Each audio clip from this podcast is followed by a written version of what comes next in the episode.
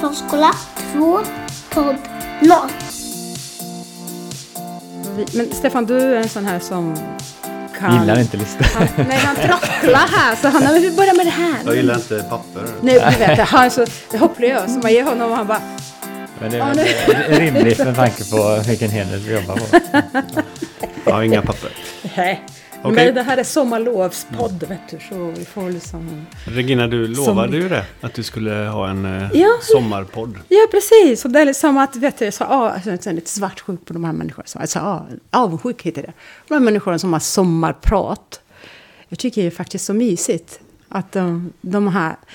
Att man kan, kan ligga någonstans i sin hängmatta och lyssna på andra. Och ta in det. Jag tycker det är... Jag tycker om poddar. Så att nu är det första gången vi kör med det, va? Och Men du har lovat att du ska publicera. Ja, ska, absolut. Men du får inte berätta, prata om vad du vill som en sommarprat. Utan du har en gäst. Vi har en gäst. Så, han sitter tyst där. Men... Välkommen eh, till eh, Förskola 2.0 Alexander. Tackar. Tackar. Och vi känner dig väl för du jobbar hos oss. Men eh, kan du inte berätta lite mer vem du är? Jag är ju utvecklingsledare här eh, på din enhet, Stefan. Mm. Eh, utvecklingsledare inom IT. Och eh, jobbar väl mycket med frågor inom digitalisering. Som ju är vår enhet. Och om Regina är expert på pedagogiken så är du mer expert. Och ska vi, tekniken är väl fel, men när vi pratar om, om digitalis, digitalisering och vi pratar om eh, system och så, så det, där hjälper du oss mycket. Så du har ett efternamn som heter Herlertz. Det stämmer bra. Mm. Ja, Alexander Härligt. Och vi har med dig för att vi ska, det har Regina lovat, vi ska prata om begrepp. Vi drar, vi slår ju oss, eller säger man, vi, vi använder väldigt många förkortningar, begrepp eh, i... När vi, ibland är det så att jag inte ens vet vad vi pratar om. Nej, jag känner igen mig. Ja. Och, så, och det börjar med att du slog, jag slog upp ordet, vad betyder ordet begrepp? Vad är det? Varför säger man ja, och ord eller namn? Vad, vad, är, vad betyder begrepp? Bara där var liksom, nej. Och jag, för er som inte har äh, hört det, jag är inte från Sverige, så jag, jag brukar verkligen studera ord, vad betyder det där? Och då var alltså begrepp, ja, det är ordets innehåll. Aha, är det det? Så jag var tvungen att slå upp det på Google. Bara, Vad är betyder begrepp? Ja, det är ordets betydelse eller innehåll. Uh, Precis, och sen är det en massa förkortningar också. Men vi kan, vi kan GDPR. Ja, absolut. G- Mm. IKT, IT, i... Just IT. Från början var ju alla i vårt skrå som jobbar med det här, de var ju IT-pedagoger. Rätt som det var så de IKT-pedagoger. För då hade det liksom gått upp ett ljus någonstans att det är ju inte bara... Ja, vem bestämmer det? Vem är det som kommer på det här liksom? Nej, vi lägger koder! Vad kommunikation? Ja, men precis. Men vad, vad är skillnaden? Vad skulle ni säga är skillnaden mellan IT och IKT? Jag har själv försökt reda i det. Jag tycker det är svårt. Ska vi börja där? För, vi, för det är liksom temat Ja. idag. Vi ska prata om några begrepp. Begrepp, Alexander ska få hjälpa oss. Framförallt när det gäller de här lite tunga grejerna som digitalisering. Vad är det egentligen? Datorisering Mm. och så vidare. Men just IKT kontra IT är ju... Så det är en bra fråga Alexander. Mm, Jag tror, om man ska vara lite elak, att det är lite mer så här att det ska vara lite finare. Men eh, nu är det någon som säger att jag är helt ute och cyklar. Men... Eh, Hör du sticken? Ja. Bokstaven K i IKT står, står för kommunikation. Och det är väl just det att IT, det är inte bara teknik utan det handlar väldigt mycket om eh, mänsklig interaktion eller interaktion med, digital interaktion med mänskliga innehåll på något sätt. Eller vad säger du Regina? Nej, jag tänker att K kom med internet. Att när jag började med, med alltså början på 90-talet, där när jag fick min första Mac, då fanns det inte, inte internet på det sättet som... Det fanns modem, men det, internet var inte så alltså, utbrett som det är idag för att kommunicera. Så jag tror att K betyder mer det här att nu kan vi använda eh, teknologi för att kommunicera också. Att det fanns. Och, och då handlar det om att eh, de här mail, som kanske ingen använder nu idag, men man fick skicka sms. Inte MMS, ingen bild. Nu kommer förkortningar nu. Ingen bild, men meddelande. Och då, oh, måste kommunikation, också kommunikation finnas i begreppet också. Så tror jag. Men... eh, Jag kan Men också fel. väldigt kopplat till eh, vårt skrå. Då menar jag utbildningsväsendet. Just att man... För det handlar ju om lärande i vårt. Och Mm. kommunikation är ju grundläggande för. Så på något sätt så tror jag att det var ett viktigt eh, begrepp att få in. Men det är klart man... Man skulle kunna lägga till andra prefixer också. Eller bokstäver också. Ja, Jag tror en utmaning med alla de här begreppen och det kommer vi märka det är att det används olika i olika domäner eller områden. Och, eh, att, eh, ja, när jag efterforskade lite på IT kontra IKT eh, innan här, jag var tvungen att göra det, eh, då märkte jag att eh, Vissa anser att det inte finns en skillnad mellan eh, IT och IKT och andra menar på det som ni är inne på. Eh, att eh, det är, alltså IKT är kommunikationen som möjliggörs med hjälp av IT mellan människor. Då. Så att jag tror det är väldigt olika beroende på vart man befinner sig. Och vi kanske har ett inom skolväsendet här då, en viss betydelse för IKT då. Men de andra menar att det ryms redan inom IT-begreppet. Ja, att det inte finns någon tydlig gräns. Eh, Så att eh, man får nog ha respekt för det och det kommer vi komma in på med de andra begreppen sen tänker jag också. att eh, Jag kommer ju från ett perspektiv som systemvetare och det är ju inte en fast definition utifrån ja, det jag kommer säga. Utan här har ju, det finns många olika definitioner.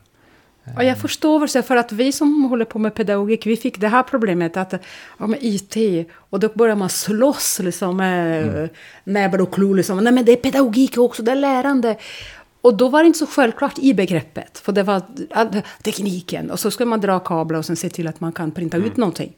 Då hamnar man i de här, de här diskussionerna istället för att handla om, det handlar om pedagogik. Så det beror på vem som pratar om det, precis som du säger. Det är nog många, Regina, många som har epitetet IT-pedagog eller IKT-pedagog som fått höra att man är IT-kille eller IT-tjej. Kan du fixa här och typ, Ja. Kan du fixa skrivaren? fixa skrivaren och dra, och dra kablarna? kablarna, precis, så att det funkar. Jag tror det är många som känner igen sig det. Ja, ja. Men Alexander, du var inne på det här IKT kontra IT. Om du skulle definiera IT då, vad är, vad, är, vad är det vi pratar om egentligen? För det är väl någon form av basbegrepp eh, begrepp att utgå från. Ja, det finns ju garanterat någon formell definition på IT. eh, Men den tänker jag inte ta här, eh, inte för att jag kan den heller. Men eh, för mig och från mitt perspektiv så i dagligt tal eh, är det ju allting som eh, vi använder i stort sett. Alltså mobiltelefoner, skrivare, datorer, nätverk. eh, Att vi använder det som ett samlingsbegrepp för alla den typen av hårdvara. Eh, Och ibland eh, mjukvara också då, eh, i program och system. Då. Eh, men eh, ja, det jag skulle säga att det är, det är väl det som är IT tror jag, från mitt perspektiv eh, i dagligt tal. Eh, Men Allt är hårda saker. Ja, men mycket hårda saker, ja. Precis. Fast alltså, vad står det för? För att det här det låter ju väldigt konstigt nu, men när jag börjar läsa då är informationsteknik Teknik, ja. eller informationsteknologi eller vad står T för?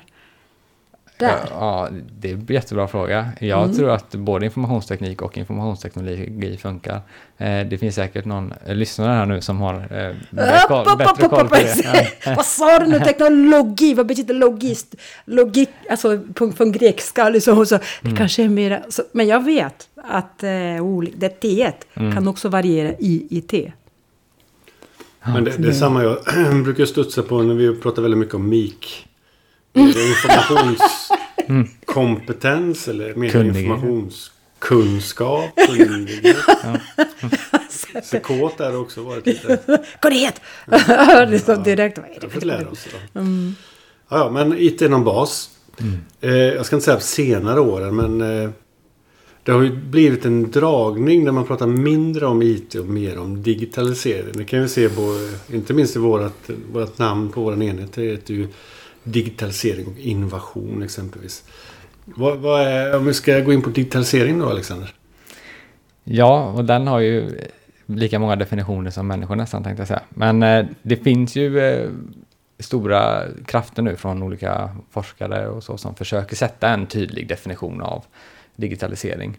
Och då menar man på att det ska eh, definieras som en metod för verksamhetsutveckling Eh, där man använder digital teknik antingen för automatisering eller för innovation. Då. Så att eh, en metod för verksamhetsutveckling kan man säga att eh, digitalisering är. Då. Om man ska titta på det från den definitionen. Men jag har hört ordet jag är digitalist. Alltså jag jobbar som, min tjänst, jag, min roll är, jag, jag är digitalist. Det finns också. Och då får det så, ah men det kanske finns kopplingar där, så när man säger så, jag är en, i min organisation jag är en digitalist, eller digitalist. Alltså, oh, du jobbar med att förbättra organisation med stöd av digitalisering, digitalisering. Kan man tänka sig så eller? Jag har själv inte stött på det, den, ehm, eh, just den eh, rollen eller befattningen, titel. Eh, däremot utvecklingsledare digitalisering till exempel, eller digitaliseringsstrateg. Mm. Eh, Men jag tycker även där att det, min uppfattning då, och det är den jag får utgå ifrån, det är att det används väldigt olika. Man lägger så olika saker i, i digitalisering där, vad det innebär. För vissa likställs det med IT eh, och för andra så är det mer det här verksamhetsutveckling.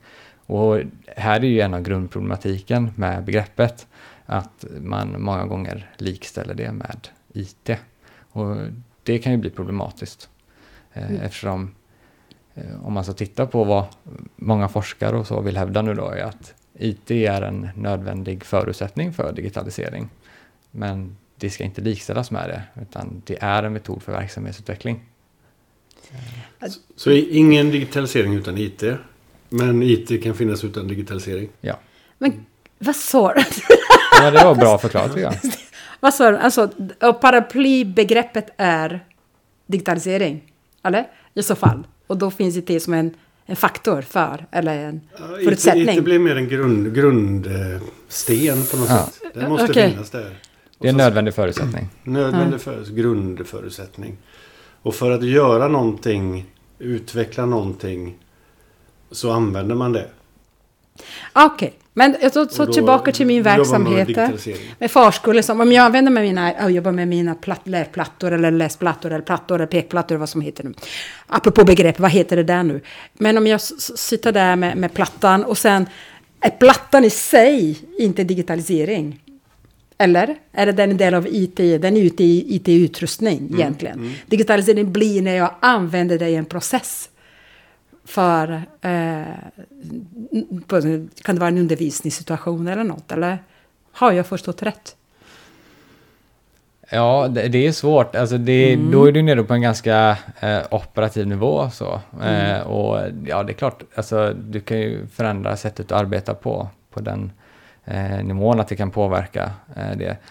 Ehm, men många gånger, eh, min uppfattning när man pratar om digitalisering är ju kanske lite större förändringar. Alltså att vi eh, erbjuder medborgare eller eh, barnen i vårt fall något, ett annat sätt att lära sig eh, eller Mm. någon ny digital tjänst. Eh, något nytt sätt för oss att leverera välfärd om vi ska Mm. ta eh, eh, från offentlig sektor. Alltså att digitalisering möjliggör nya erbjudanden och optioner för våra medborgare. Eh, att att ja, få välfärd och ett nytt sätt för oss att leverera den till dem. Ja, men, men om man pratar undervisningsbegrepp, alltså, som, vad är undervisning? Och undervisning finns det didaktiska ansatser för undervisning, så hur det här ska gå till, varför, när och det här. Och då kan man säga att, kan man säga att man tar som en digital platta eller något verktyg och på något sätt förändra den här undervisningen och lägga till någonting där eh, som inte fanns och på det sättet kanske bidrar till, ett, till ett, ett, lä- ett lärande som inte skulle uppstå utan det. Så om man tittar, alltså där jag sitter i min, så i min lilla vrån här, förskolesätt, och som jag skulle fråga förskolan, liksom, jobbar ni med digitalisering? Då kan de prata om de här processerna istället för att nej men vi har, vi har fyra plattor och vi använder kameror och så här. Men vad, vad sker egentligen? Vilka, vilka förändringar är begreppet lärande, förändrade kunnande sker? Kan man nog säga. Jag tror att vi inom eh, säg skola, förskola kanske krånglar till det lite utifrån att vi vårt raster är alltid barnets lärande. Och det är lite svårt i det här fallet tycker jag att se att ja, det är digitalisering inom, inom förskola eller inom man hamnar lite lätt i det här. Ja, vi har köpt in eh, 48 iPads. Och, 30 robotar! ja, och hur mäter man barns lärande? Så det, vi, vi gör det ganska komplext där, Ja. tror jag. Men du är väl inne på någonting att via digitalisering kanske man kan göra saker man inte kunde innan. ja, precis. Om vi leker med tanken. Eh, vi eh, köp, har ju köpt in datorer i många år, alltså man har använt Mm. datorer i skolan. Eh, att gå från att skriva på papper till att skriva i Word, Ja. Det är ju inte digitalisering, det är ju datorisering. Mm. Eh, vi byter från ett analogt medie till ett digitalt medie. Eh, men att köpa in plattor eh, eller andra verktyg där vi erbjuder nya sätt att lära oss saker och ting. Eh, vi förändrar lite hur verksamheten funkar och vi använder digitala verktyg för att eh, lära barnen på nya sätt. Till exempel. Ja, men då kanske vi är inne och nosar Mm. lite mer på vad digitalisering syftar till. Att vi förändrar sättet och vi erbjuder nya sätt att lära ut i, i vårt fall. Och, och kanske om du har... Vi kan hålla håll kvar vid Word-begreppet en gång. För det kan man se. Ja visst, eh, vi skriver på papper och sen så skriver vi på, på datorn och det är same same. Men det kan ju finnas dimensioner när du flyttar över.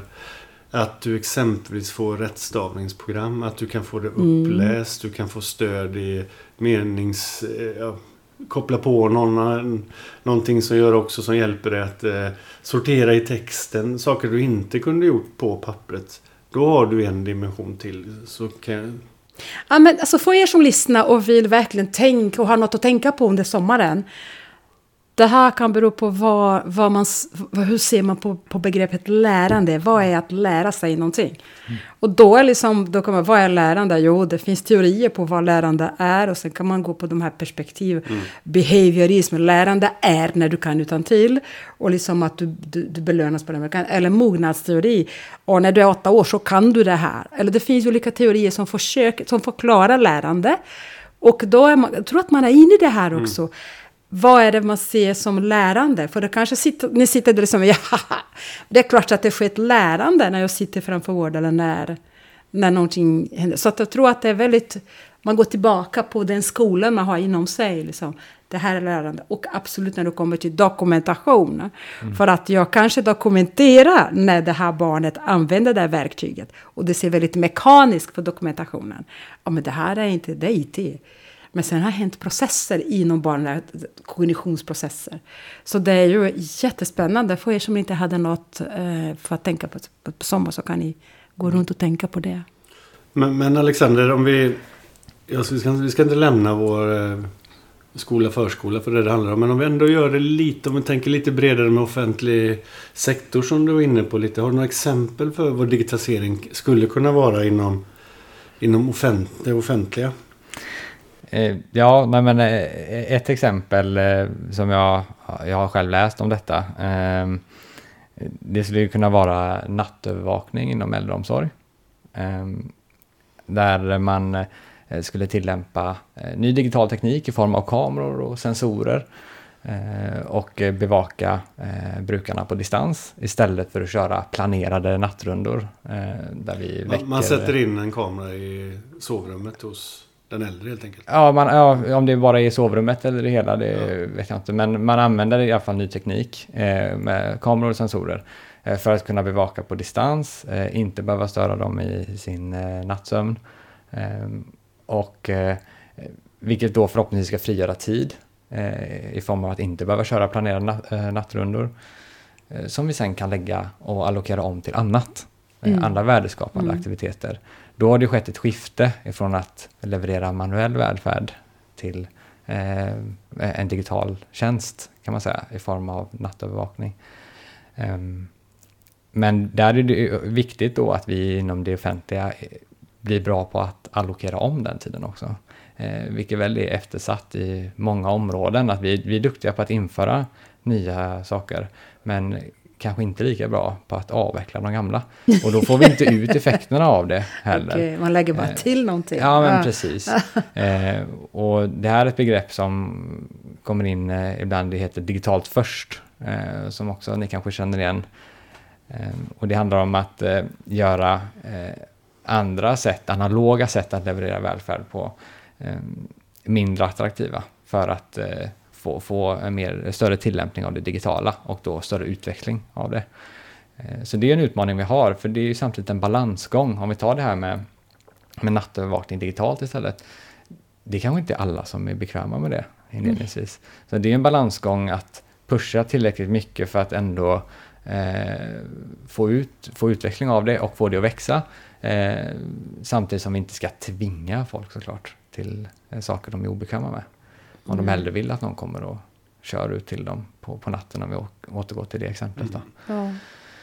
Så att eh, det är, en, det är en ständig balansgång, men vi, vi behöver bli bättre på det skulle jag säga, från mitt perspektiv. Eh, att eh, eh, inte bara införa nya sätt och, och tjänster, utan då också eh, avveckla gammalt och omallokera resurser. För Mm. det är ju en utmaning vi har i det offentliga, att eh, resurserna kommer inte riktigt räcka till som det ser ut. Eh, Nej. det, det, det är tufft. Okej, man Eh, lägger bara till och sen man jagar inte hatthyllor, tror jag att jag lärde mig. Det här att hatthyllorna för, för olika verksamheter och man, precis det du pratade om, att de Mm. här, det finns vanor som består. Och eh, till slut, alltså det, resultatet blir så, så, det kan bli så omfattande, men om man skulle ta bort den här som är ju, och försöka bygga på på något sätt så det effektiviserar, tror jag att det skulle fungera. Men det är inte så lätt. Det är jättesvårt. Eh. Och om vi tar ett annat exempel, eh, mer kopplat till förskola då, eh, som jag har gått runt och tänkt på, och det är inte alls säkert att det är applicerbart, men eh, det skulle kunna vara bemanning. Där finns det säkert mycket man kan göra och automatisera då, om vi tar den delen av digitalisering. Eh, det finns ju mycket med AI och fräcka algoritmer, men att eh, vi kopplar ihop våra olika system, bemanningssystem, närvarosystem, eh, där eh, en, en sjukanmälan eh, av en pedagog skickar signaler till ett system som kollar, okej, hur många barn är det på plats idag? Eh, behöver vi kalla in en vikarie? Ja, det behövs, okej, och då går det en automatisk signal till ett annat system som eh, skickar ut till en vikariepool. Oh, som, som då blev jag glad. Till, Jag fick så déjà vu, så när man satt klockan sex på morgonen och kommer dit. Nej, Anna är sjuk! Och sen, "Äh, jag måste stå där. Så står man där. Jag har jobbat i en organisation där man behövde stå. Vi behövde ringa själva. Och sen finns det och sen bara liksom, man hade en lista där vid telefonen. Var det sån, Therese, Martin, alla. Jo, alla som man skulle ringa. Så, äh, kan du jobba idag? Kan du jobba idag? Och barn kommer in och man skulle behöva, alltså man behöver lämna det och ta emot barnen. Så att det, är ju, det här lilla kaoset känner man igen. Så om det här kunde vara ett system som löser det skulle det vara wow. Ja, men tänk då om, om eh, man som eh, man är en del i den här vikariepoolen, att du får ett pling i din mobil att ja, nu finns det pass ledigt på en eh, förskola 7 kilometer från dig. Du behöver kunna vara på plats inom 45 minuter för att ta passet. Fixar du detta, det är först kvarn som gäller. Eh, ja, men ja, det här löser jag, det passar mig bra idag. Och så ta- tar jag det, och då, men då är du ju sedan tidigare redan godkänd för att finnas Ja, i den här precis. poolen. Och det är som om du är i den här de poolen. Stegen, men, idéerna, titta här. Skriv, skriv ner allihopa. det låter jättebra. Det här systemet finns redan. Jag vet att det finns företag som jobbar så. Mm. Med till exempel de som levererar saker. Att de, får, de är anmälda som, alltså de kan åka motorcykel eller taxi eller vad det är för något. Mm. Och så kan de få en pling. Och, och då, det är så först till kvarn, så jag tar det. Mm. Och så får man jobbet. Ah. Om, och, och återigen då, så säg att man implementerar en sån lösning, då är det också viktigt att eh, hämta hem nyttan sen då. Att, ja, grunden var ju att automatisera, eh, det ska ju frigöra re- resurser. Ja, då måste vi allokera om tiden från att eh, vi har flera personer som sitter på bemanning till att flytta dem till att jobba kanske i den pedagogiska verksamheten istället. Då. Eh, så att eh, förflytta resurserna eh, till kärnverksamheten då, eh, är ju tanken med den här nya tekniken. Och det här är digitalisering. Det skulle jag säga eh, är digitalisering, fast med, med betoning på automatisering, eh, Mm. det benet. Då. Digitalisering. Förskola 2 podd 0.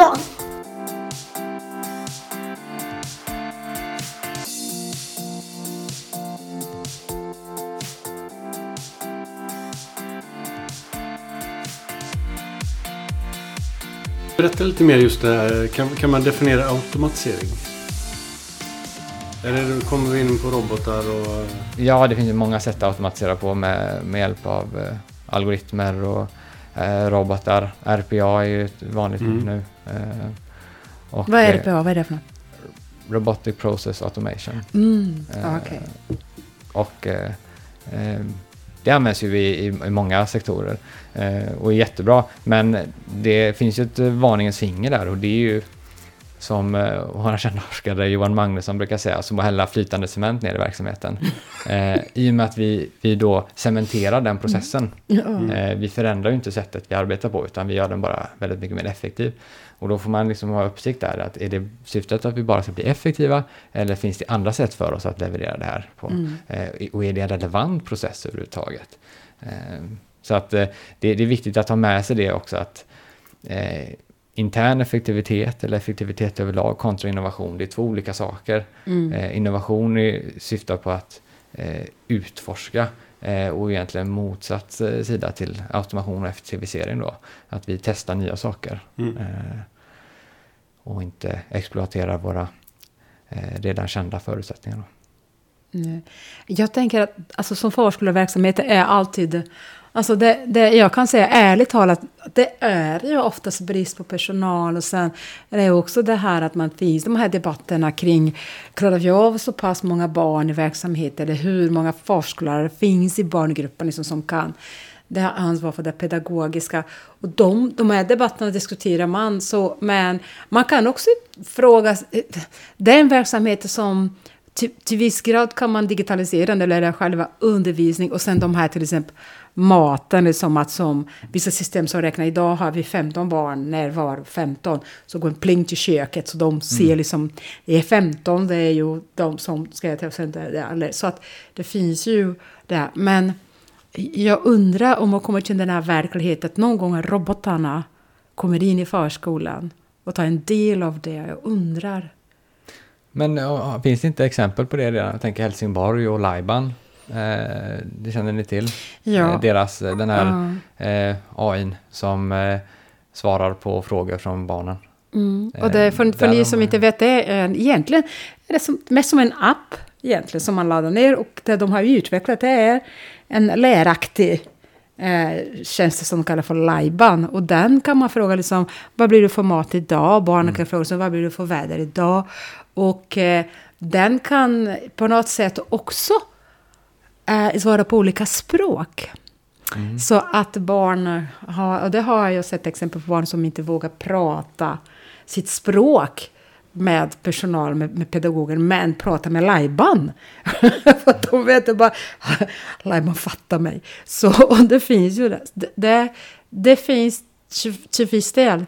Och naturligtvis är jag, jag brinner för digitalisering. Och jag tycker, yes, jag är jättenördig, jag tycker yes, det måste vi ha. Samtidigt som att vi i Göteborg, vi tänker liksom att okej, okay, kanske vi kan testa det, Lajban. Men jag vet att det finns också det här som, men vad då ska förskollärare och pedagoger inte finnas till det och svara på vad det är för mat idag? Och är det där det, är det, där det är? Det handlar om det här. Så det finns en diskussion i det här. Eh, på, på, på, nyttan, när du pratar om mm. liksom att är det här nyttan? Men det är vi tillbaka till, eh, till eh, Alexanders poäng där med nyttan. Måste, liksom, varför gör vi det? Liksom, mm.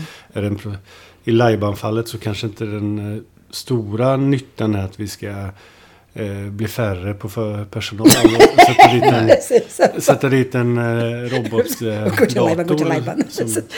Eh, men det kan ge andra dimensioner som du är inne på. Ja. Den här, barnet som kanske inte vågar fråga. Man kan fråga Lajban. Och, ja, och personalen kan kanske möjligtvis göra lite andra saker mm. under tiden. Så. Fast det, det, här, det, här, det här funkar inte för mig. Jag är faktiskt en anarkist när det gäller det. Mm. Jag är väldigt känslig när det gäller... Nu hör jag på min ras att det blir så här. Men alltså, det är samma sak när det gäller eh, estetiska lärprocesser i förskolan. Liksom att, ah, nu ska vi måla, eller nu ska vi göra med, jobba med lera.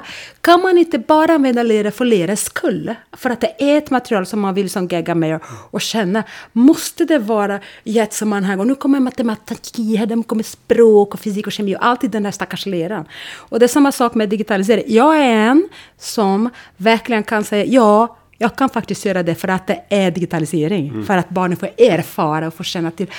Den, den, den svarar mig, den lär sig, den pratar mitt språk. För det. Förenkla. Så, att, ja, så det är också så här, apropå nyttan. nyttan kan också vara en upplevelse av att mm. Eh, bara uppleva det, erfara det. Jag vet att det är många där ute som inte håller med mig, men så tycker jag. Jo, och så får man ju tycka. Och, och då kanske man är inne mer på det pedagogiska som du är inne på där. Eh, det finns ju, det är ju lätt att säga, bli lite kittlad av det här och tänka att det här som du var inne på, gillar det här. Och, men det är klart att det, eh, det finns ju fallgropar, det finns ju frågetecken skulle man kunna säga. Och inte minst när det gäller liksom, eh, hantering av data. Man pratar mycket om vilken data. Och där är ju vi ofta, det får vi erkänna. Liksom, vad, Vad kan vi ta ut för data? Vad, kan, vad får vi? Med vilket syfte och så vidare. Och GDPR är ju en, eh, apropå förkortningar, dataskyddsförordningen. Det är ju någonting som vi flera år nu har pratat mycket om, brottats med. Vad, Alexander, GDPR på 20 sekunder? Mm. Ouch! Ja, men ett av syftena är ju att skydda den enskildes grundläggande rättigheter och friheter. Eh, särskilt deras rätt till eh, eh, skydd av personuppgifter, då, eller sina personuppgifter. Och GDPR är ju relevant att lyfta in eh, i, i den här eh, diskussionen eh, om digitalisering eftersom den ju i högsta grad påverkas av eh, att eh, mer och mer av våran data och våra personuppgifter exponeras ju mot eh, digitala tjänster och, och mot IT och så. Men ni har ju ett helt avsnitt om det sen tidigare också. Om just informationssäkerhet. Så det, det, det, med, med Ingela hade vi här eminenta kollega Ingela. Ja. Eh, och, Nej men så är det. Det är ju nej. någonting som, eh, som eh, genomsyrar allt det här mm. på något sätt. Och som, eh, ja, det är relevant. Och ibland kanske man kan fundera på, behöver vi utmana det i vissa lägen? Absolut, det håller jag med om. Det för det är inte den enda lagen vi har liksom. Nej, det är ju offentlig upphandling exempelvis är en annan lag som eh, vi, vi behöver jobba med. Eh, I alla fall hur, hur vi upphandlar eh, olika saker inom IT och eh, verktyg för digitalisering. Men eh, nej, det är absolut utmaningar och jag, jag stöter på dem mycket i, i min vardag. Mm. Eh, och vi behöver utmana dem, som du säger de är inte alltid förenliga med vad det är vi vill åstadkomma och behöver kunna åstadkomma. Vi har ju samtidigt eh, alltså, utmaningar i välfärden som vi pratar om med resurser och att eh, eh, ja, nu är vi ju inom skola eh, och barnomsorg men eh, det finns ju andra områden som äldreomsorg och sådär och, och vård eh, självklart. Och eh, för att resurserna ska räcka till så kommer vi behöva använda mer och mer digitala tjänster. Och eh, för att få fart på det här. Så ibland är det svårt att ha det förenligt mm. med de här lagarna. Eh, att allting ska gå rätt till. Eh, och samtidigt hålla tempo. Alltså, när e-förvaltningar och e-tjänster och allt e som e-lärande och allt e som blev... Mm. Men, men ditt exempel innan med kameraövervakning ja. eller vad du ska kalla det. Eller ja. Kameraskydd eller övervakning låter ju det låter ju garanterat som någonting som behöver konsekvensbedömas och kan säkert vara ganska krångligt att få igenom. Och i, i sitt ord, om man pratar begrepp så övervakning, det låter ju inte bra liksom. Nej, nej, nej precis. Att någon, vi har någon, vi sätter in en kamera och övervakar. storebror. Ja, och eh, visitationszoner och allt vad det må vara. Liksom. Det får ju de eh, vibbarna. Men det är klart att syftet här som vi pratar om det är ju någonting helt annat. Ja. Mm. ja, det är svårt att hålla isär syften och risk ibland. Uh, det, det, finns ju såklart många risker med att vi blir allt mer uh, digitala och gör allting mer på internet uh, och uppkopplat. Det, det, ja, det kan man ju inte blunda för, att det blir fler risker. Men ja, vi får inte blanda ihop det med syftet heller. Vi måste kunna bemöta riskerna men syftena är ju alltid goda från vårt håll. Så att säga. Men är vi ibland naiva? Är det här ja. större hot än vad man kanske tror? Liksom att de här, ja, det finns ju en anledning till att vi har de här lagarna också. Ja, det är inte jag rätt person att svara på. Men, eh, eh, jag tror att eh, från mitt perspektiv eh, absolut känns det som att vi ibland eh, gör en hörna av en fjäder. Eh, men ibland absolut befogat. Mm. och, men där finns det ju eh, andra exempel på kommuner som testar sig fram och utmanar. Mm. Eh, Skellefteå eh, kommun var väl en sådan som testade ansiktsigenkänning på skola och fick ett vite av, eh, jag tror det var Dataskyddsmyndigheten eller de, eh, IMY, eh, Integritetsskyddsmyndigheten. Ah, ah. mm. En sanktionsavgift då för att eh, de hade använt det här. Och, eh, men då, då har de ju testat eh, och utmanat. Och jag tror att det, det, det, det, måste, det måste finnas någon form av riskaptit eh, i den här... Trots ålder eller? Ja, men det kanske är det som behövs också. nej, digital eller nej, trots ålder. Ja. oh, men du. Ja, nu tänkte jag faktiskt, det finns en forskare i Sverige, nu kommer jag inte ihåg vad han heter, men han pratar väldigt mycket om funktionell dumhet. Och han säger, det här begreppet betyder just det här, liksom att, att, att det, det är inne på att eh, i förvaltningen finns så många regler och sånt. Och, att, eh, om man inte, och han pratar om det här, så ibland kan man råka ut och få det här vite för att man provar någonting. Istället för att vara bundna till det här, för att man ser att det här funkar inte på det sättet. Vi skulle kunna göra det här kan tillkomma, så, här, så vill man prova men är så bunden. Så han, den här forskaren pratar om det här, det finns ju faktiskt organisationer som håller på med funktionell dumhet. Ja, men det ja, men och, och, och vissa andra forskare hävdar ju att eh, vi måste nästan börja eh, utlysa pris för eh, liksom, bästa misslyckanden. Eh, Nej, men alltså att vi måste börja ta risker. Alltså att det, det ska bli tjänstefel att inte ta risk. Okej, Eh, och, och liksom inte ah. våga. För att det är det som driver oss framåt. Eh, så. Det pratar man ju om alltid, om inte annat med barnen kan jag tänka mig. Alltså man måste våga misslyckas. Ja. Det är ju en stor del av lärandet i det. Och eh, ja, det personligen tror jag det är en viktig del eh, i det här. Och eh, eh, ja, det finns sagt mycket forskning också som säger att vi måste börja våga utmana eh, lagar och så. Vi kan säga, vi, vi pratar ju en hel del om det här i vardagen också. I, I vissa fall kan det vara så att man, om vi kallar det en process eller ett arbetssätt som vi har idag, så vet vi att eh, vi följer inte exempelvis GDPR till 100% men vi skulle vilja göra, vi, vi skulle vilja förbättra det. Men då Ja. hamnar vi bara till att vi, vi klarar av GDPR till 90%. Ja. Nu, nu är det ju högst teoretiskt eller Ja. det här. Men det får vi inte göra. För, men då vet vi att idag kanske vi lever upp till 10 procent. ja. Är det inte bättre med 90 än 10? För man får inte göra någonting nytt. Ja. Så det kan ju vara en sån läge exempelvis. Lite trixigt det här. Och därför, man får ju, de här diskussionerna som, som vi har inom förskolan, eller dokumentation av barnens görande för att på något sätt visa föräldrar, för att, för att, för att på något sätt vägleda verksamheten. Det är vi också liksom att behöver vi ta bild på allting? Behöver vi barnens ansikte visas i en grupp? Och det här, och då får man få ständigt ta det här liksom ställningstagande och, och tänka och tänka. På sätt och vis har det varit bra, för det här... Jo, Men det har väl rensat en hel del. Precis. Ja. Nej, men jag var en sån här som hade 3 332 bilder. liksom bara, "Eh, nu måste vi ha utvecklingssamtal här. Liksom bara, okej, jag ska ha 10 bilder. Och så de andra då?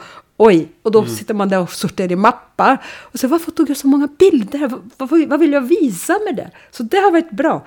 Men det är också det här som att, okej, det ställer till det. För att, kan jag ta de här bilderna? Vad ska jag i den pedagogiska dokumentationen en jättediskussion kring och var man sparar dem någonstans förresten. Och man alltså ga- gallra, som att hur blir man av med det? Så att det är det här, vi har också de här GDPR eh, dilemma. Jag tror att den podden vi hade med GDPR, det var liksom väldigt många Det var mycket, mycket med bilder och det håller Ja. jag med dig. Det är klart att vi har ju rensat ut en hel del som man gör av slentrian kanske man alltid har gjort. Och Det pratar du mycket om med görandet. Vi måste liksom utmana görandet i form av varför och vad, Ja.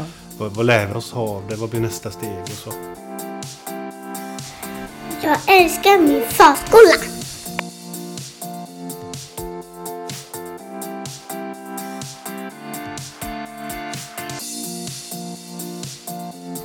Förskola 2, podd 0.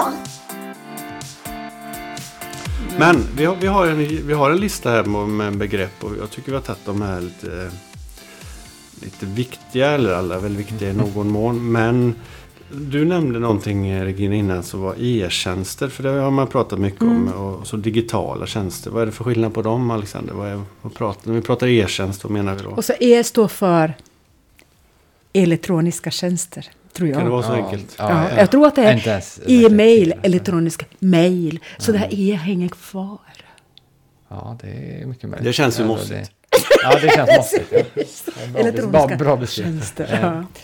Nej, men då måste vi från mitt perspektiv backa tillbaka lite till eh, begreppet eh, datorisering också. Mm. För det förknippar jag väldigt mycket med e-tjänster. Det vill säga att vi, ehm, eh, ja, vi förenklar en existerande process som idag görs analog. Eh, men vi utför den istället med hjälp av datorkraft. Ett ett till ett överförande från en eh, analog process till att göra den på en dator. Eh, och, Och, eh, och exempel, exempelvis Wo- Word-varianten då. Som det är ett exempel Mm. man tar i förskolan istället eh, för att skicka in ett papper med en ansökan eh, till förskoleplats så gör du det via ett webbformulär.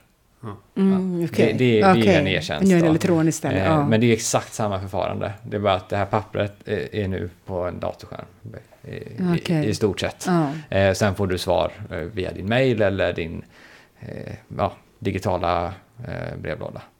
Mm. Eh, Typ Kivra eller liknande. Kivra, Ja. precis, precis. Så att det, det, det, det är för mig datorisering. eh, E-tjänster, Och e-tjänster då. Eh, Medan om vi går in på be- begreppet digitala tjänster så är det tjänster som till fullo använder digitaliseringens möjligheter. Eh, Och eh, skapar en ersättningsfunktion för manuellt levererad välfärd om vi, om Mm. vi befinner oss Mm. inom.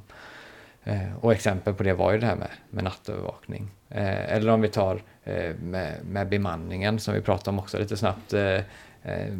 Att man, man löser någonting så att auto, bemanning sker per automatik. Eh, Vi erbjuder en tjänst till, eh, då internt då, till så, ans- anställda vikarier. Eh, Men där vi tar bort ett led i eh, eh, vi tar bort det manuella ledet så att säga, i behandlingen. Det känns ju som en trappa på något Ja, sätt. ja. Första steg e-tjänst, nästa och så vidare. Ja, men jag tror, jag tror att man behöver prata om det. Jag tror inte att det är självklart. Jag, jag, jag tror att vi är fortfarande i, i det här, när man säger ja, digitalisering, då tänker man någonting annat. Man, Ja. man tänker ju det här, det, det, det är den elektroniska. Det, Ja, det, men många likställer ju att eh, nu har vi tagit fram, det är många gånger man läser det här, ja vi har tagit fram ett eh, webbformulär så att nu kan medborgarna skicka in detta, detta. Vi har digitaliserat Ja. den här processen. eh, och där kan man argumentera för att eh, nej, det har ni nog inte gjort. Ni har skapat en e-tjänst. Eh, ja. Men, men får ändå säga, det behöver inte vara fel. Liksom. Nej, nej, det kan ju vara jättebra, men det är viktigt då att i det här fallet att det behövs lite språkpoliser som är inne och, och reder i, i det här att nej, det ska inte likställas med digitalisering. Och anledningen till det, eh, nu kommer vi in på någonting annat här, men det är också viktigt, det är att digitalisering är, används så mycket i politiken och politiken sätter ju vår riktli, alltså riktning och, och medel och pengar. Och om man då likställer digitalisering med e-tjänster, eh, alltså det vill säga datorisering, då blir det ju helt tokigt. Det ger Eh, konsekvenser. ja. Och då, då, vad pratar vi om egentligen? Och det är Eller- därför det är så viktigt Ja. att, att vi har det begreppet noga definierat. Och här kan man ju ja, se, eh, vi, vi är många som har eh, problem med det, att vi inte definierar digitalisering. Det kan man läsa i, i många digitaliseringsplaner och, och sådär, att man läser digitalisering detta, digitalisering och så, okej, men vad, vad har vi definierat det som? Ja, det står inte. Nej. Vi har inte definierat Vad begreppet. Vi använder det, Nej. men vi har inte definierat det. Och då är det ju jättelätt att säga, eh, för att sno Johan Magnussons ord igen här då, eh, alltså att säga att vi har uppnått eh, digitalisering eller att vi är duktiga på det. För vi har inte definierat det och då är det ju väldigt enkelt att säga att vi är jätteduktiga på det. Nej, men Eh, alltså, för då kan du eh, lägga vad du det- vill i det. Vem på det ska alla definiera det på eget sätt? Nej, och det är därför det är viktigt att vi eh, kommer med en tydlig eh, definition. Och det är den man har varit inne på. En metod för verksamhetsutveckling Mm. där man använder digitala verktyg, antingen för automation eller innovation. men alltså, jag, jag, även vi på förskolan, vi behöver prata om det. Mm, absolut. Alltså det är som att, vad är det? Är jag IKT-pedagog? Okej, vad, vad, hur jobbar ni med digitalisering? Och så kommer man kanske beskriva den här, de här eh, helt enkelt e-tjänster eller e- e-saker man har det och digitala verktyg. Eller jobba med IT som någon IT-vaktmästare. Precis. Ja, du, jobbar, du som jobbar med det. Och det behöver vi prata om för att jag tänker... Du, du, pratade, du sa ordet språkpoliser, sa du. Men faktiskt, det finns en bok som jag älskar. Och jag är väldigt förtjust i Ann Pilgrim. Där hon pratar om förskolans professionella begrepp. Och det heter ju lärande, undervisning. Det finns vissa ord som hör till alltså det professionella när man pratar om saker och ting. För att det ska bli alltså, kvalitet i verksamhet. Så att vi börjar med att, vad är lärande för dig? Och, alltså det finns ju faktiskt, Förskoleforum har material också för man kan ha workshops i begrepp på förskolan. Så jag tänker att det här, Alexander, det är ett nytt begrepp man behöver lägga in i det här professionella begreppet. Vad är digitalisering hos oss? Vad är IT och vad är IKT hos oss? vad håller vi på med egentligen här? Så att, eh, Då ska vi ta ett sista begrepp. Utanför eh, pappret som vi har framför oss. För vi har faktiskt papper framför oss. Det, får vi- det är ditt fel Regina. som manus. Utanför manus. Nej men eh, vi nosar vid det och framförallt kring digitalisering. Och det är begreppet innovation. Uh, den är så... För, för här är finns ju också någon. Kan vi vara innovativa utan att, eh, att eh, digitalisera eller då innefattar IT? Kan vi det i dagens läge eller inte? Och Regina, du har ju brottat med det här begreppet mycket och gått utbildningar och Mm. innovationsmodeller och innovationssprintar och allt vad det är man Ja. För jag tycker, eh, när din beskrivning av digitalisering så lägger man in ordet innovation också. Ja, ordet är fritt. Yes! Nej, men jag, jag tänker gå tillbaka. För ni som lyssnar sa jag, jag sa någonting om hatthyllor. Och det, för att förklara snabbt, det har med innovation att göra. Det är att förr i tiden, för många år, hundra år här i Sverige, då hade man faktiskt i varje hus, och det finns kvar någon konstig anledning, när man går in i lägenheten och man tittar, man säger hatthylla. Och Jag hade hemma hos mig en hatthylla. Och oftast har de såna här, de är ju beredda, alltså det finns ju utrymme, det är nästan så luft mellan de här pinnarna där. Eh, och Ofta i två etage. Ja, precis. Och varför har man hatthyllor? Ursäkta, är det någon som har hatt i Sverige nu? Jo, jag vet, vi har ju medarbetare. Adam gick förbi här med en hatt. Det såg jag nu. Men... Kepshyllor kanske? Ja, men, Det är gubb- modernt. Nej, men, och då, det är ett för, varför var det så? För, för många hundra år sedan var det bra att ha hatthyllor vid entré. Varför hade man då det? Jo, och det är det något väldigt, det är så här, skitäckligt, ursäkta, men det var för att man tog av hatten och så var de här luften emellan de här pinnarna där, det var för att löss skulle ramla av och inte krypa tillbaka till hatten. Så därav fanns de där. Och eh, det var ju väldigt användbart, eller hur? Saken är, idag finns det hatthyllor, men de är virtuella, eller de är liksom ja, abstrakta. Och organisationer kan ha de här sakerna som de bara består. Men nyttan av det är liksom, det, det här har vi, vi gör det för att vi alltid gjort. Det är överspelat egentligen. Ja, och då kommer innovationen där liksom att kan man jogga hatthyllor som innovationsprocess? Jo, det kan man. Det är ett sätt att jobba med innovation. Det är att man går in i en verksamhet och tittar liksom, vad är det vi gör för görande skull här? Eh, och ta bort de här hatthyllorna som innovationsprocess. Så det betyder inte att man ska uppfinna en, en eh, säg de här e, en e-bil som är liksom att, oh, elbilar som är Det är ju jättestora förändringar. Det är också innovation. Men jag tror i offentliga förvaltningar handlar mer om att eh, processer där vi är inne på och liksom att nytta med processerna. Hur kan vi liksom göra här så att man på något sätt eh, gör, gör på nytt eh, och tittar på nyttan av det och sen kan man ta bort hatthyllan. Så att innovation är bredare än så. Ja, alltså, jag tänker också, det där är ju ett sätt att se, se innovation, jag håller med i det. Eh, men då tittar vi mycket på det befintliga. Eh, men eh, innovation för mig också, det är ju utforskande av eh, nya möjligheter. Titta inte på vad vi har, utan bara vad finns det där ute? Eh, nu har vi inte pratat om, om de här begreppen så idag, men det finns ju mycket modernt nu med blockchain-teknik och AI och sådär. Eh, bara titta på de, utgå från tekniken, vad kan vi göra med den? Hur kan vi tillämpa det i vår verksamhet? Eh, att man, vi, man går från ett annat håll. Eh, och eh, eh för mig är innovation mycket att ta risker.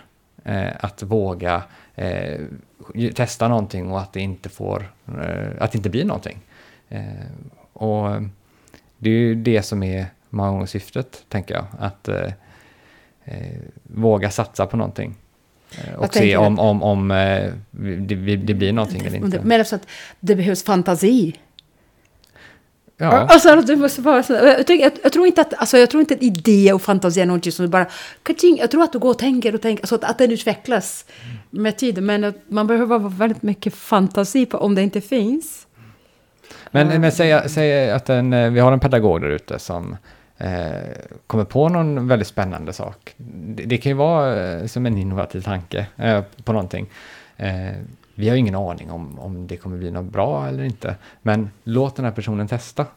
Eh, och, och köra ett race med, med den här eh, på, på den här tanken och se, och blir det någonting bra så kan vi skala upp det. Det är innovation för mig mycket. Alltså att man tar det från grunden och så, man, man springer på en tanke och ser Ja, vad, vad, blir- vad blir precis. det. Men du Eh, decentraliserar det på, den, på något sätt och du lägger ut det till, till alla, till medborgare. För att Ja. det jag menar är så, det är För det är ju inte... en annan grej. En del gör ju, här i det här rummet, här ska vi innovera. Ja, Ja, precis.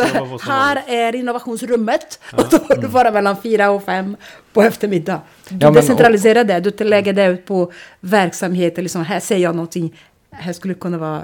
Är det så du tänker? Ja, men precis. Och då kan vi koppla tillbaka till begreppet digitalisering igen. Alltså det är en metod för verksamhetsutveckling. Innovation är en del i digitalisering. Och verksamhetsutveckling, vad sker det bäst i verksamheten? Så att då är det den här pedagogen som kommer, eller en rektor med en jättebra idé. Låt dem köra. Och, och, och det är helt okej att det blir fel. Eh, eller att det inte blir bra. Eh, och det är där vi måste ha en riskaptit då. Måste det är det här med funktionell dumhet. Då kanske jag säger, nej men så här gör vi inte. Och då kan man som att riskera att vita. Och när man gör digitalisering tror jag att man måste verkligen ta ett samtal gällande. För där måste man verkligen prova, våga eh, och prova sig fram.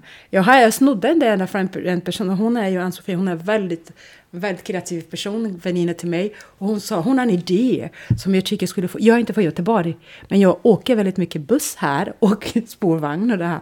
Och jag tänkte, kan man inte lägga någonting på sig, liksom att, att de här biljetterna, och nu blir det, folk blir jätteglada nu. Att, man liksom, att det ligger på mig någonstans. Att när jag går in, att, att den, den känner av att jag har en gällande biljett. Istället för att jag ska behöva uh, gräva fram telefonen och höra någonting. Och att det ska, ja, på något sätt. Och har jag inte det, då ska jag liksom bara... Tut, tut, tut, tut, tut. Blinkar den och sådär. App, app, app, jag vet. Så vågar man inte gå in där för det är som att det blir blinka. Men det är sånt Kanske där. får en elstöt när det går. Ja, precis. Det kan ju vara något. Virtuellt Aj, elstängsel. Och Du har ingen biljett, men, där, men jag tycker men det är klart. För att istället för att gräva fram den här biljetten och sånt där, att det ligger hos mig.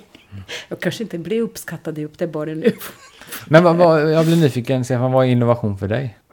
Jag tycker egentligen att det är lite svårt. Jag tycker ni, ni, är, ju, ni är ju på det. Men man pratar ju ofta om ett plus ett blir tre någonting. Och ofta kan det vara, det kan ju vara någonting som finns. Och så är det som du säger att den här pedagogen eller läraren som du pratar om som kommer på någonting. Kan man inte titta på den här och så lägger vi på det så får någonting helt annat.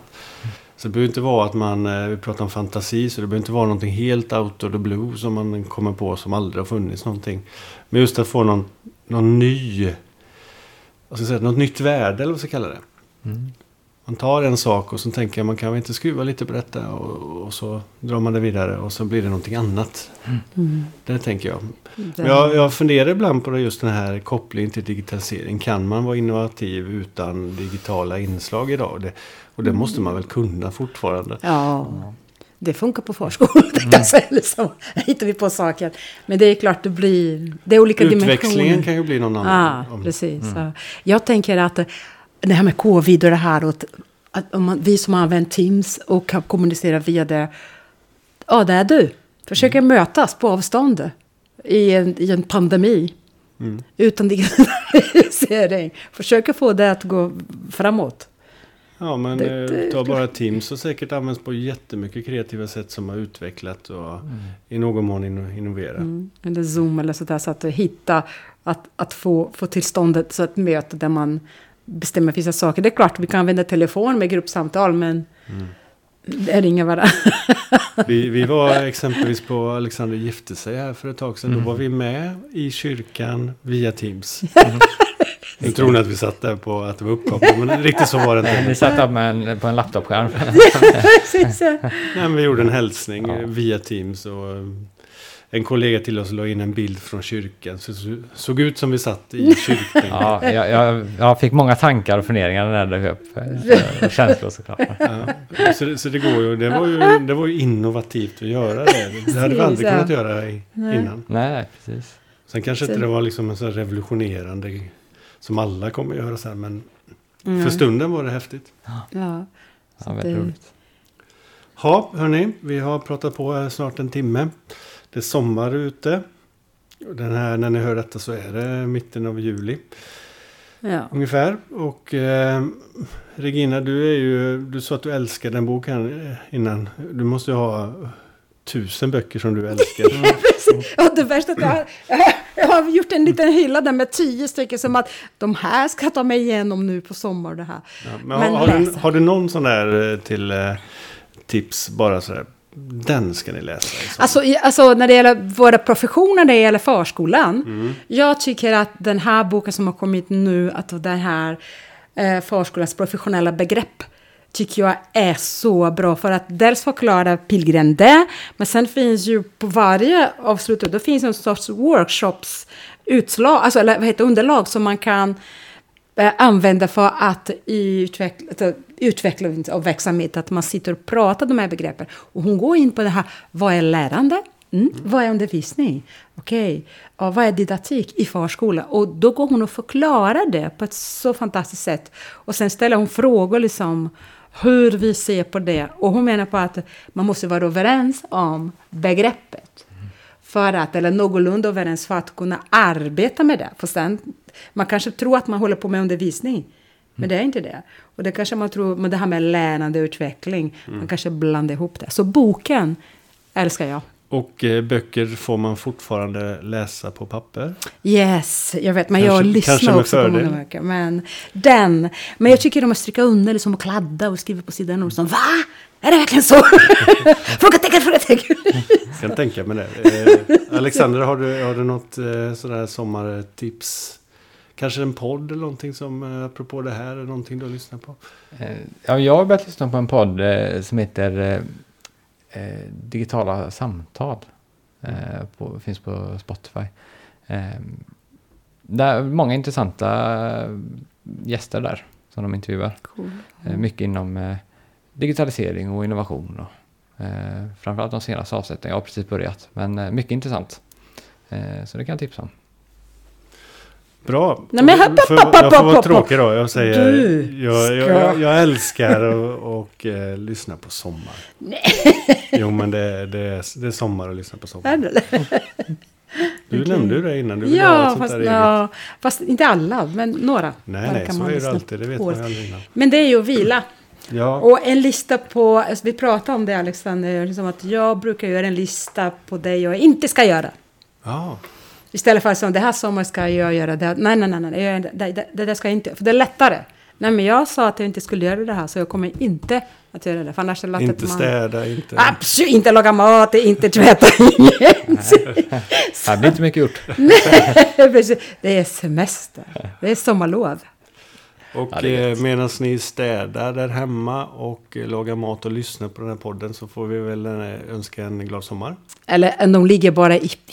Ligger bara hänger, alltså bara sola liksom och lyssna på Ja. podden. Det funkar överallt. Det är det Yes. som är bra med formatet. Så. Ja. Tack så mycket Alexander. Tack, själva. Alexander. Och tack Regina. Vi hörs väl igen eh, Ja, det gör efter vi. semestrarna. Absolut. Och till dess så får ni ha det så bra. Japp, trevlig sommar.